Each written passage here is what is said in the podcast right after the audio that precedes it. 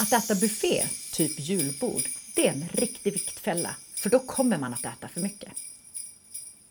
Nej, det är faktiskt en viktmyt också.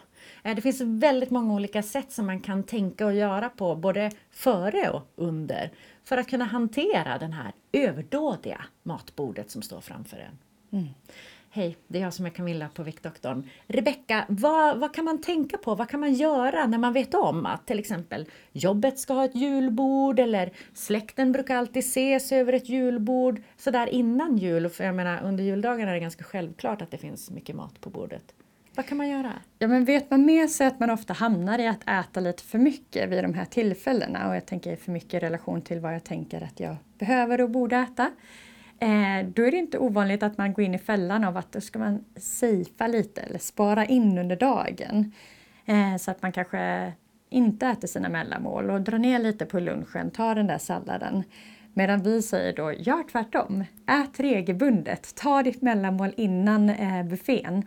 För att då är man inte lika hungrig när man väl står där och då är det lättare att fatta bra val i stunden. Mm. Gillar du att få tips och råd hur man faktiskt kan gå ner i vikt och stanna där baserat på forskning? Då är Viktdoktorn för dig. Gå in på viktdoktorn.se, skriv upp det på vår lista. Då mejlar vi dig varje morgon nu när vi har en julkalender där vi slaktar viktmyter. Eh, och där kan du också hitta till vår podd väldigt många fördjupningar. Det här är ju en julkalender så jag hoppas att vi ses imorgon igen. Hej då!